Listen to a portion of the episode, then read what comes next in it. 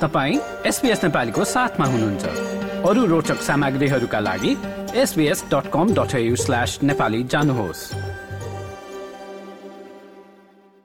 सन् दुई हजार तेइसलाई स्वागत गर्न विश्वभरका मानिसहरू आतुर छन्। विश्वका अन्य विकसित मुलुक जस्तै भव्य आतिशबाजीका साथ अस्ट्रेलियाले नयाँ वर्षलाई स्वागत गर्ने तयारी थालेको छ। विश्वका अन्य धेरै मुलुकहरूमा भन्दा केही अघि नै अस्ट्रेलियाले सन् दुई हजार तेइसलाई स्वागत गर्नेछ त्यो पनि धमाकेदार तरिकाले। सिटी अफ सिडनीका मुख्य कार्यक्रमहरूमा निर्माताको भूमिका निर्वाह गरिरहेका स्टेफन गेल्भी नयाँ वर्षको आगमनको कार्यक्रमलाई जति सक्दो आकर्षक बनाउनका लागि दिनरात खटिरहेका छन्। One that will light up the sky in a kaleidoscope of colours for this year's New Year's Eve, with fireworks launched from pontoons, Sydney Harbour icons, and four city rooftops. पछिल्ला दस दिन आतिशबाजीका लागि सम्पूर्ण टोली लागि परेको छ। लाखौं पटाकाहरूले यस वर्षको पूर्व सन्ध्यामा अस्ट्रेलियाको आकाश उज्यालो बनाउनेछ। नयाँ वर्षमा फायरवर्क्सको निर्देशकीय जिम्मेवारी फोर्टिनाटो फोर्टीले सम्हालेका छन्। उनका अनुसार पछिल्ला केही वर्ष उत्साहजनक सहभागिता नरहेकाले यस पटकको नयाँ वर्ष भने उत्सवमय हुनेछ। We're looking forward to, to this year because you know the last few years, especially 2020, was uh, no crowds, which was uh, was strange in itself. Um, last year was uh, limited uh, crowds, so you know we're very much looking forward to it.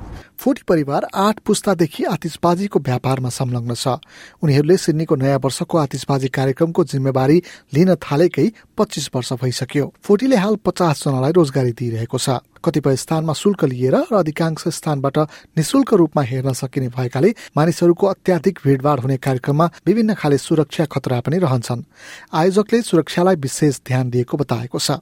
फोर्टिनाटो आफैले मौसम र अन्य सुरक्षा प्रबन्धमा खटिएको बताउँछन् Obviously, wind always plays a uh, a part in whether we have to delay or uh, po- postpone, delay or uh, cancel any particular show, but. Uh, we have procedures and processes in place that we're able to still continue the show depending on the wind speeds and wind direction.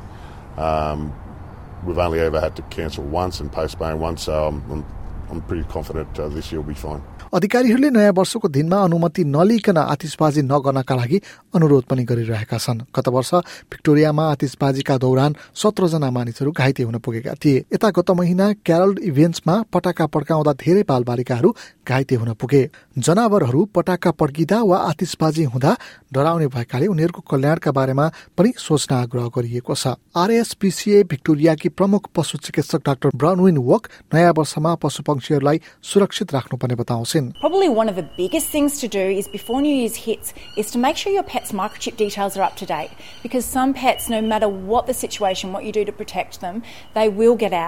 Uh, if your dog or cat's microchip is not up to date, on New Year's Day, when everything is closed, you're going to find that the emergency centres, RSPCA, we're going to be scanning those microchips to try and reunite you with your dog. नयाँ वर्षको पूर्व सन्ध्यामा बेलुकी नौ बजे र मध्यरात बाह्र बजे आतिशबाजी गरिनेछ